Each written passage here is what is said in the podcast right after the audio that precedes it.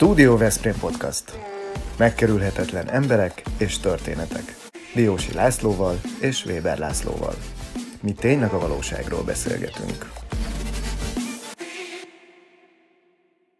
Köszöntjük a Studio Veszprém Podcast hallgatóit, nézőit. Mai beszélgető partnerünk Zolcer János, tévéproducer, író, rendező, dokumentumfilmes, akinek a könyve itt van a kezemben, láthatják kedves nézőink, Gorbacsov titkai címmel és az ember, aki megváltoztatta a világot alcímmel írta János ezt a könyvet.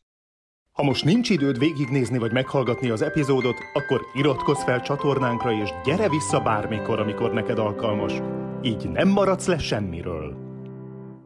És hát ez a könyv fantasztikus sikert ért el az utóbbi időben, két éve került kiadásra, és most már a harmadik kiadást érte meg. Úgy, úgy gondoltuk, hogy meghívjuk barátunkat Jánost ebbe a műsorba, és ki tudja, talán egy remek Veszprémi találkozás is majd a valóságban fizikálisan is összejöhet, hiszen lehet, hogy egy, egy író-olvasó találkozóra sor kerül belátható időn belül. Szervusz, üdvözlünk, köszönjük, hogy elfogadtad a meghívást. Szervusztok, és üdvözlöm a nézőket.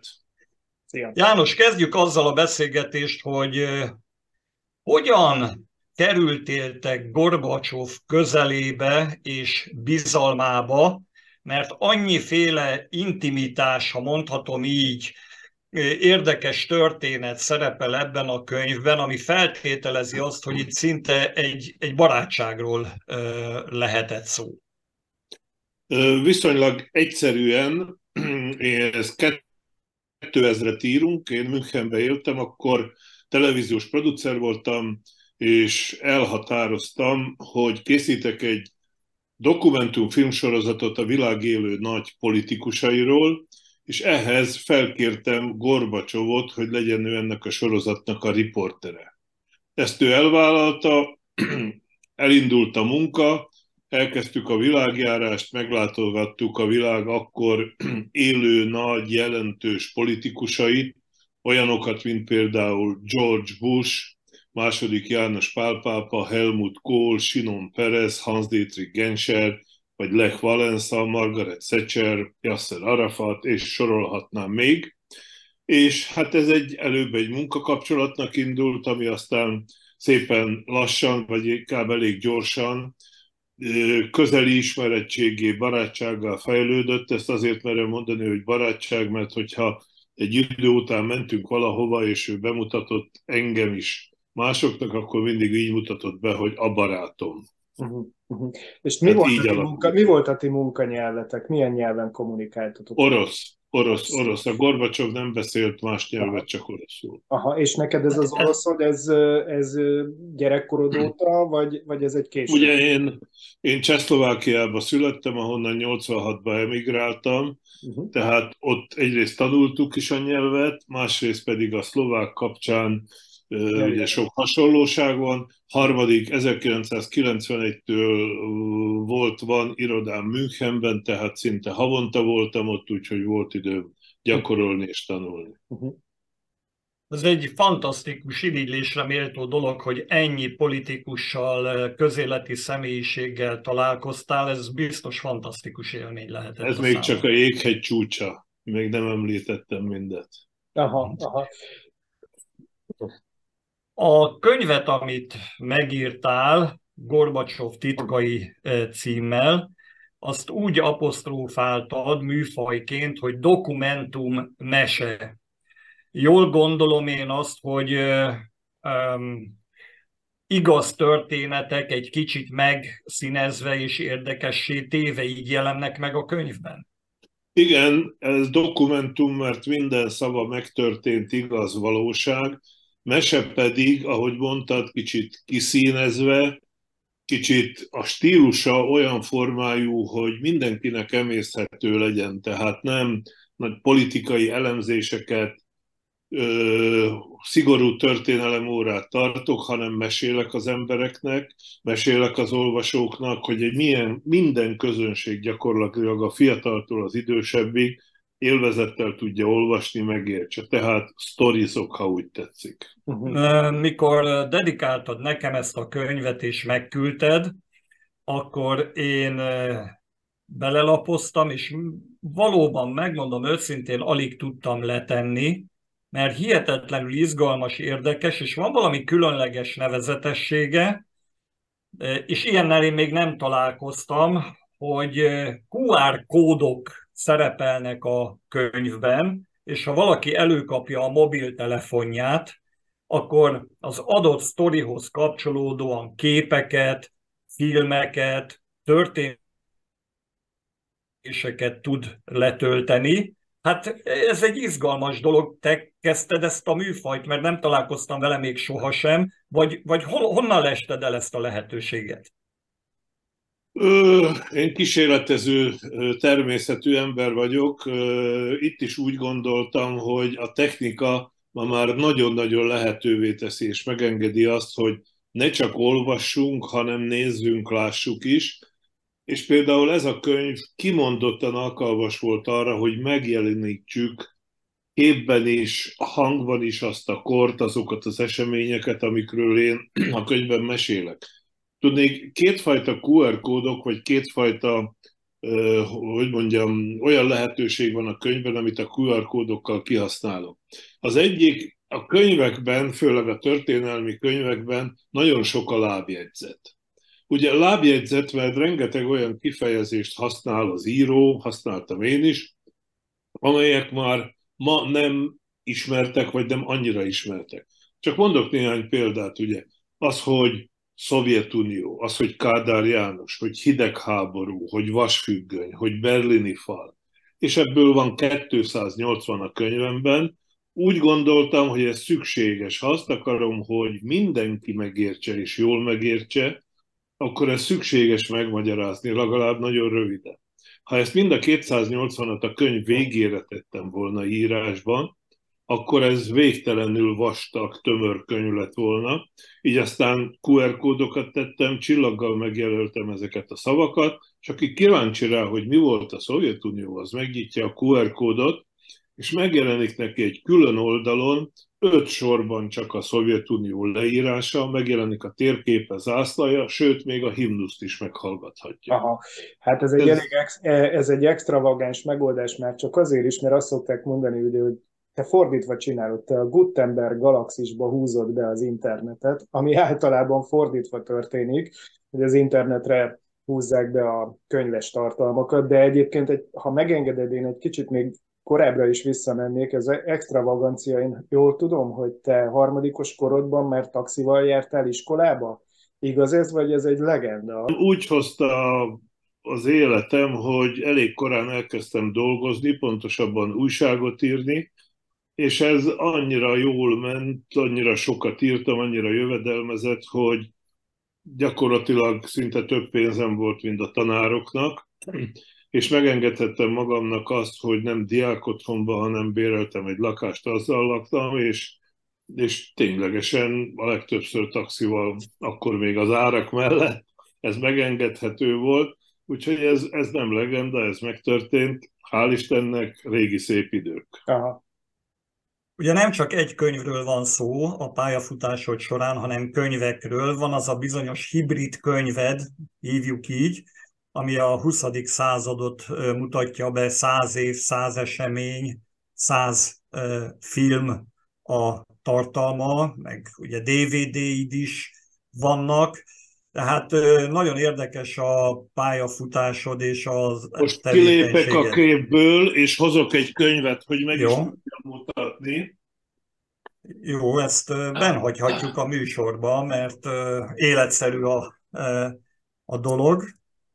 Jön János a könyv. Tehát, itt van ez a bizonyos könyv, amiről beszélsz. Ez ugye formailag külalakra tényleg egy könyv, viszont csalóka, mert ez egy mozi. Mozi méghozzá azért, mert ebbe is QR kódok vannak, ugye uh-huh. itt fölül egy magyar, itt lent egy angol, és az ember rátartja a telefont, és megnyitja, akkor azon nyomban megnyílik mondjuk, itt amit mutattam, a Barbarossa hadművelet, 10 perces filmben, és ebben a könyvben 100 darab 10 perces film van a 20. század legfontosabb eseményeiről. Tehát én 1900-tól 2000-ig a német CDR televíziónak feldolgoztam a 20. század legfontosabb eseményeit. És ezt a sorozatot vetítették a német televíziók 1999 utolsó száz napján, aztán azóta már 60 országba közvetítették. És hát ugye a filmes pályafutásodat te viszonylag korán kezdted, most azt mondod, ez egy a kezedben tartott könyv tulajdonképpen egy film. Én azt is olvastam, hogy te például a Derik meg a Tethely forgatásán is már jelen voltál. Ez ugye a 80-as évek vége, amikor te standfotósként kezdtél el dolgozni, ugye? Tehát, hogy viszonylag Ó, hát az, az, nagyon, az nagyon-nagyon régen volt. Én 86-ban, amikor Münchenbe kerültem, szerencsém volt, mert egy-két hét ott tartózkodás után megláttam a utcán egy villát, egy nagyon szép épületet, amin egy résztávra volt, és ki volt rá írva, hogy Kövesdi Presse Agentúr. Gondoltam, ez nekem való valami magyar, mert németül egy szót se tudtam. Becsöngettem, kijött a Kövesdi úr, behívott, és aztán négy óra múlva megkérdezte, hogy mit csinálok holnap reggel. Mondtam, semmit. De jó, akkor kezdjen el itt dolgozni. Elkezdtem nála dolgozni, és néhány hónapon belül már Wimbledonba fotóztam, a Derik vagy a Ted helyet fotóztam, és sok-sok ilyen filmet két éven keresztül, mint standfotós készítettem. De János, és nem gondoltál-e arra, hogy annyira izgalmas és érdekes az életed, annyi különleges emberrel találkoztál, annyi minden értéged impulzusként, hogy hadd nagyképüsködjek annak a mintájára, amit én küldtem neked, ugye a 77 történet Dióhéjban című könyv, a te életpályádról is mozzanatokat, érdekességeket talán érdemes lenne mm, leírni. Mit gondolsz erről? Ö, igen, biztos, csak ennél vannak még érdekesebb dolgok is, amit le kell írni. Úgyhogy most épp azzal vagyok elfoglalva, hogy a sok-sok találkozásból, amit a világban, én körülbelül 70 országban jártam, rengeteg emberrel találkoztam, ezekből megírom ezeket a találkozásokat mindegy kicsit körítéssel, és egy közös nevező lesz bennük, hogy mindegyikkel ettünk, főztünk, valami az ételhez kapcsolódik. Tehát az is lesz a címe, hogy Császár Morzsa, mert szerencsére volt lehetőségem például még annak idején Habsburgottónak császármorzsát készíteni, aztán Gorbacsovnak kolbászt tölteni, és még sorolhatnák rengeteg politikust, akinek sőztem, vagy ő főzött, és ezeket az élményeket próbálom megírni. Persze nem csak recept lesz benne, az is, hanem sok-sok tanultság, sok-sok érdekesség, amit ezektől az emberektől tanultam. Nyilvánvalóan konkrétumokról nem lehet beszélni, most térjünk vissza a Gorbacsov e, történethez. A könyveidben nagyon sok mindent leírtál Gorbacsov kapcsán, és ahogy mondom, konkrétumot nem lehet nyilván mondani. Van-e olyan, amit nem írhattál le, vagy amit nem írtál le a saját elhatározásodból, és Gorbacsovhoz köthető, csak így a témakörét? Mind a két féle van olyat, amit esetleg valaki megtiltott volna, nekem nincs. Uh-huh. Olyan van, amit én úgy gondoltam, hogy nem akarok leírni, meg olyan is van, amire például Gorbacsov vagy egyik másik megkért, hogy ezt nekem mondja el, ezt kéri, hogy maradjon köztünk.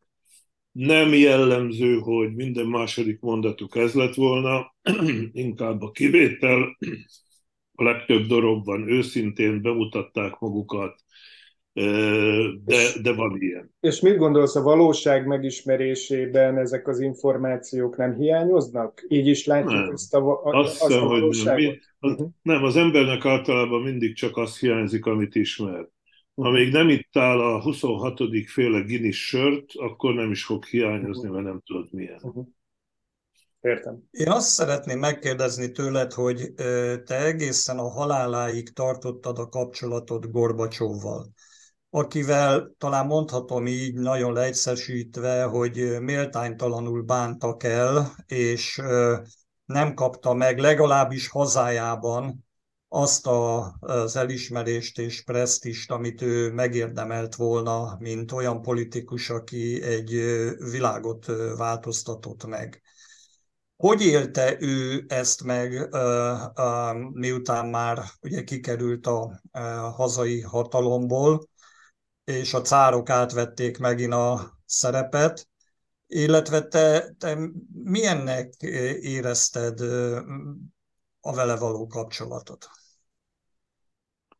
A vele való kapcsolat végtelenül jó, bizalmas, nagyon-nagyon-nagyon kellemes volt. A 20-22 év során rengetegszer, nem számoltam össze, több százszor találkoztunk, jártam Müncheni otthonomban, Budapesten, én jártam sokszor nála, a világ számos pontján, tehát ez, ez úgymond mind nagyon-nagyon jó volt és rendben volt. Viszont ahogy vele bántak, és mondtad, hogy méltatlan, hát igen, ez egy nagyon enyhe kifejezés, ez, ez a méltatlannál is sokkal-sokkal rosszabb volt, de ez kezdettől fogva így történt. 1991. decemberében, amikor lemondott, Jelcin már nem volt hajlandó elmenni hozzá és átvenni tőle az atomkoffert. Akkor a Jelcin emberei földulták az irodáját, elvették az útlevelét, hat évig nem utazhatott, két dollárban határozták meg a nyugdíját, elvették a házat, lakást, autót, mindent tőle, tehát igen, méltánytalan, nagyon méltánytalan volt, onnan kezdve minden.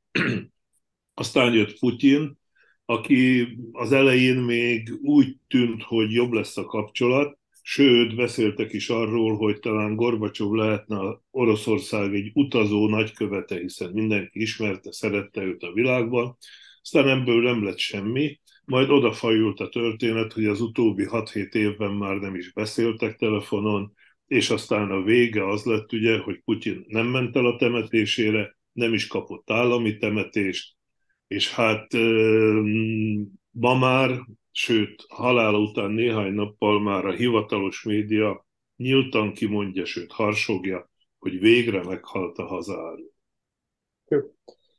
Ugye, ugye azt tudjuk róla, hogy ő nem nagyon szerette az alkoholt, és azt is tudjuk, hogy ez is egy ilyen főbűne lehetett, hogy ő gyakorlatilag ezt a témát témává tette, hogy az orosz társadalom problémái közül ezt is kezelni tudja. Jól gondolom én, hogy, hogy, hogy az egyszerű nép innen közelítette meg az ő szerepkörét, vagy a hozzávaló viszonyát ez jelentősen... Hát még az apja is, apja is innen közelítette meg, mert például engem elvitt a szülőfalujába, és ott mesélte, hogy amikor hazament meglátogatni a szüleit, akkor az apja azon nyomban elővette az üveget, töltött neki, és ő mindig félretette, nem itta meg, és egyszer az apja megjegyezte, hogy hát fiam, fiam, nagyon büszke vagyok rád, szeretlek minden, de azért van egy nagy probléma.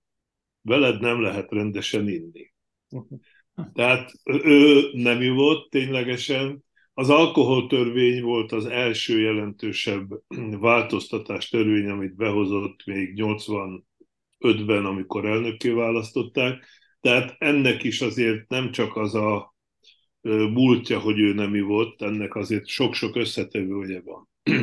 Abban az időben már nagyon-nagyon rossz volt a gazdasági helyzet a Szovjetunióban élelmet vagy egyéb dolgokat alig lehetett kapni, így vodkát sem, ezért az emberek főleg otthon főzték a pálinkát.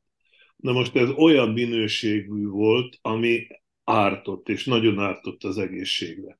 Az országnak nem is azt mondom a fele, a háromnegyede nem csak lerészegedett, hanem úgy volt beteg, hogy, hogy károsította is ezzel a rossz minőségű alkohollal a szervezetét. Nem ment a munka, az emberek nem jelentek meg. Tehát rengeteg olyan társadalmi problémát lehetett volna felvázolni, amire az ő barátai, a, a tudós kollégái felhívták a figyelmét, hogy ezzel foglalkozni kell, mert most, tehát mindenki vodkát főzött, ezzel voltak elfoglalva. Nem mentek munkába, inkább vodkát főztek, és megitták azt a löttyöt, ami még jobban károsította az egészségüket. És az, hogy ő nem ivott, vagy az, hogy a feleségének a testvére egy művészember időt alkoholista volt, és szinte naponta, hetente szedték össze őt a rendőrök részegen a városba, aztán bevitték a Gorbacsovhoz, hogy mit tegyünk vele. Ezek a mozzanatok már csak havatortán, akár csak az is, hogy ő kiadott egy rendeletet, miszerint ugye csökkenteni kell az alkoholfogyasztást, amit megint jó orosz módra sokan úgy értelmeztek, mint például a moldávok, hogy kivágtak minden szőlőtőkét, és ezzel megszüntették a bortermesztést. Sokat beszéltünk Gorbacsovról, de a te legutolsó könyved az nem csak erről szól, hanem a Háború című könyv, hanem és arról, ami jelenleg zajlik az oroszok és az ukránok között. És egészen biztosan ezzel kapcsolatban véleményed van. Most itt vagyunk a háború kellős közepén, és nagyon csúnyák a kilátások. Te hogy ítéled meg a jelenlegi háborús helyzetet, illetve mi várható a jövőben? Azt, hogy mi lesz, miután befejeztük ezt a beszélgetést, azt sem nagyon tudom. Viszont azt egyre jobban és egyre, egyre többet tanulmányoztam és tanulmányozom, hogy mi volt. És ennek alapján próbálok következtetni. A Gorbacsov, az ő kollégái, ismerősei elvittek engem a Krembe százszor. Bemutattak olyan embereknek, akik még Sztálin alatt is dolgoztak. Tehát nagyon alaposan igyekeztem első kézből megismerni a múltat, és ez most nagyon jó jön ahhoz, hogy megértsem a Krem gondolkodásmódját, az orosz cárok viselkedését. És ebből egy kicsit azt mondom, kiszámítható az, hogy mi lesz holnap, mi lesz egy év múlva. Hiszen, ha csak az elmúlt száz évet nézzük, a Szovjetunió történetét, akkor kiderül, nem száz éven keresztül hazudott, soha nem mondott igazat. Száz éven keresztül háborúzott. Például Putyin 23 év van hatalmon, de ez alatt a 23 év alatt alig volt két és fél év, amikor ne háborúzott volna. Ha a cárok történetét nézzük, 350 évre lehet visszamenni első Péter cárhoz. Az ő idejében nem volt 20 év, vagy az ő idejétől, amikor ne lett volna háború. Tehát ha ezt tekintjük alapnak, akkor vajon felteszem a kérdést, 350 évig így zajlott. Miért lenne ez másképp holnap vagy holnap után? De eszkalálódhat ez a szituáció valamilyen korlátozott atomtámadásig? Hát, hogyha csak azt az eseményt nézzük, hogy a napokban Moszkva atomtöltetű rakétákat helyezett el nyíltan Fehér Oroszországban, annak ellenére, hogy erről a kínai elnököt nem tájékoztatta, akkor ez számomra már egy abszolút eszkalálódás. A kínaiak vérig sértve érzik magukat, hogy miért nem tudtak erről, hiszen van a világban egy egyezmény, hogy másibe nem telepítünk. De pont most, most volt ott a kínai elnök nála. De pont erről... ezért, hogy őt nem, ő, hazament, és másnap mentek a rakéták, és mégse szólt neki. Na most, ha ehhez megint csak hozzáveszem a múltat, nem tudom, a kedves nézőink mennyire tudják, hogy Magyarországon 20 valahány éven keresztül voltak szovjet atomtöltetű rakéták, pont Veszprémmel. tudják, Tóth Verzsony, így van. Igen. Na most ezeknek megvan a hihetetlen története, hogy hogy kerültek ezek haza, Gorbacsov hogy vitte haza. Ugye a német Miklós, a magyar miniszterelnök meglátogatta őt, nekem ezt a Miklós is többször elmesélte, a Gorbacsov is, 89 tavaszán, és akkor arról beszélgettek, hogy reformok, mit tehetünk, mit nem. És a Gorbacsov azt mondta, azt tesztek, amit akartok, engem többet ne kérdezzé, nem vagyok a főnököd, én nem a tudok engedélyt adni se. És mondta a Gorbacs, mondta a Miklós neki, hogy jó, jó, hogy azt teszünk, amit akarunk, de hát itt az orosz katonák, meg itt a rakéták Veszprém mellett. És Gorbacsov rögtön közvágott, a katonákról tudok, rakétákról nem. Nem mondod? Hát nézd, abba a hatalmas birodalomba, ami Mongóliától Kubán keresztül Mozambikig tartott, honnan tudta volna egy főtitkár, főleg aki akkor két-három éve volt hatalmon, hogy hol dugtak el atomtöltető, vagy egyáltalán fegyvereket. Honnan? Amikor hát, 89... nála, van az atomtáska, és akkor annak a Bocsánat, az atomtáskának semmi köze nem volt a Veszprémi rakétákhoz, Aha. semmi. Az egy más volt. Amikor 89. decemberében Máltán találkoztak a bussal, akkor benne van a könyvemben egy térkép, amin be vannak jelölve, hogy hol vannak atomtöltető amerikai és szovjet rakéták.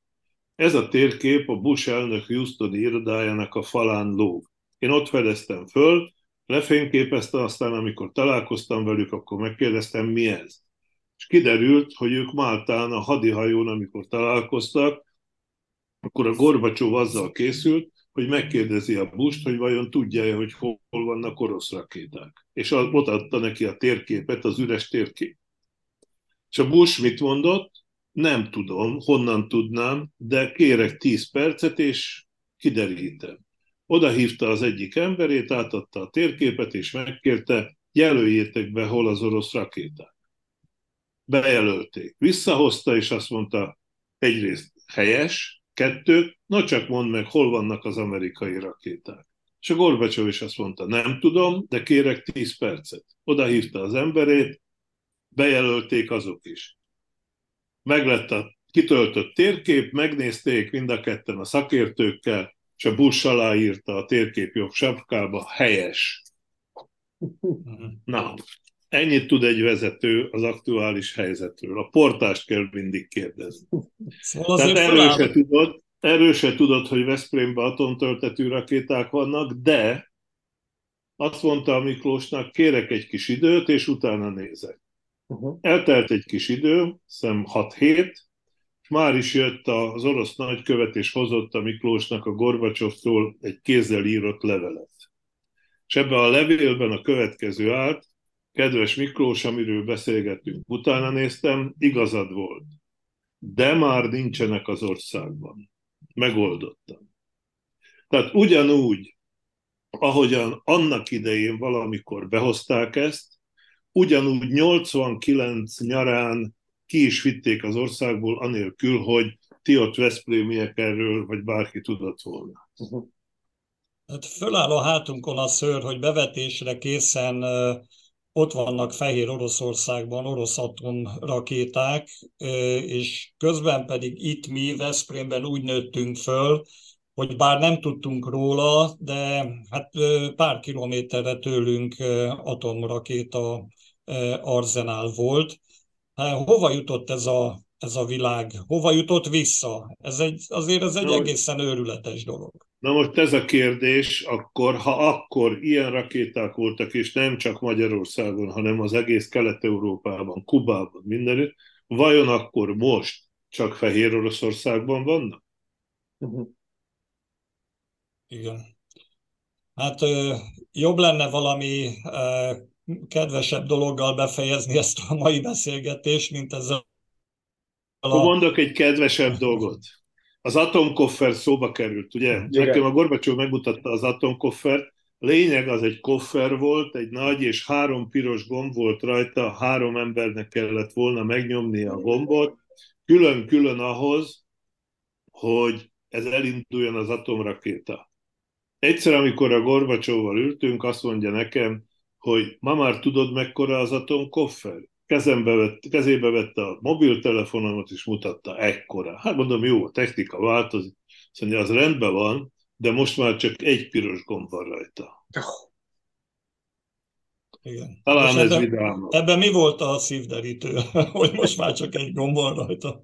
Hát nem kell itt vacakolni háromnak, több rengeni, tanakodni, hmm. minek játsszuk a demokráciát. Egy ember eldönti és kész. Na még akkor egy utolsó kérdés, és akkor hozzuk be a női vonalat is ebbe a történetbe. Ugye Gorbacsov felesége volt az első olyan First Lady, aki a nyugati világban is mondjuk így partiképes volt, és a rossz nyelvek szerint a luxus sem vetette meg. Gorbacsovnak mi volt egyébként a luxushoz való viszonya? Például volt egy kiváló órája? Ugye ez egy divatos ma vezetői körökben, hogy legyen egy legyen egy menő óránk. Neki volt menő órája? Gorbacsov semmilyen luxust nem igényelt, Én nagyon sokat utaztam vele a világba, tehát ha jó szállodába mentünk, akkor jóba, ha rosszabba, rosszabba voltunk.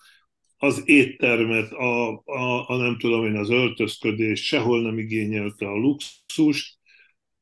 Amikor a Kaukázusba jártunk, és ott megvendégeltek, az udvaron fogadtak étellel, és leesett egy darab kenyér a földre, akkor azért lehajolt, fölvette, ráfújt, megette. Tehát nem volt, nem volt luxus, nálam is járt többször Münchenbe, tehát nem igényelt semmi, semmi olyat, ami, ami azt mondanánk. Ő egy egyszerű parasztfiú volt, olyan, ami ennek engem elvitt a szülőfalujába, és ott mit főzetett? Kocsonyát. Kocsonyát együnk. Uh-huh. Tehát a felesége az kicsit igen, másképp viselkedett, ha nem is a luxus, de egy kicsit a. Mint szerette volna évkézláb formában megmutatni önmagát. Ami egyébként helyes, tegyük Ennyi volt a luxus. Az esküvőjük például úgy zajlott 52-ben, hogy nem volt se gyűrűjük, se cipője a feleségének, nem is tudták senkit meghívni, mert olyan csórók voltak. Ja. Köszönjük szépen támogatóinknak, a Vita Kingnek, a Szófia Magánklinikának, a Kianti Apartmentsnek, a Targonca Trade-nek, a Ringautónak, a Bramag BMI Magyarországnak, a Nyugalom Kft-nek, az Unilever Algida Veszprémi jégkrémgyárának és a Nelson biztosítási Alkusznak, hogy segítenek minket folyamatosan abban, hogy megkerülhetetlen, érdekes emberekkel készítsünk beszélgetést. Köszönjük szépen, János, hogy velünk tartottál. Én köszönöm. Köszönöm. Köszönjük. köszönjük. Szia, János. Szia. Ez a Studio Veszprém műsora volt. Hallgasson ránk minden pénteken.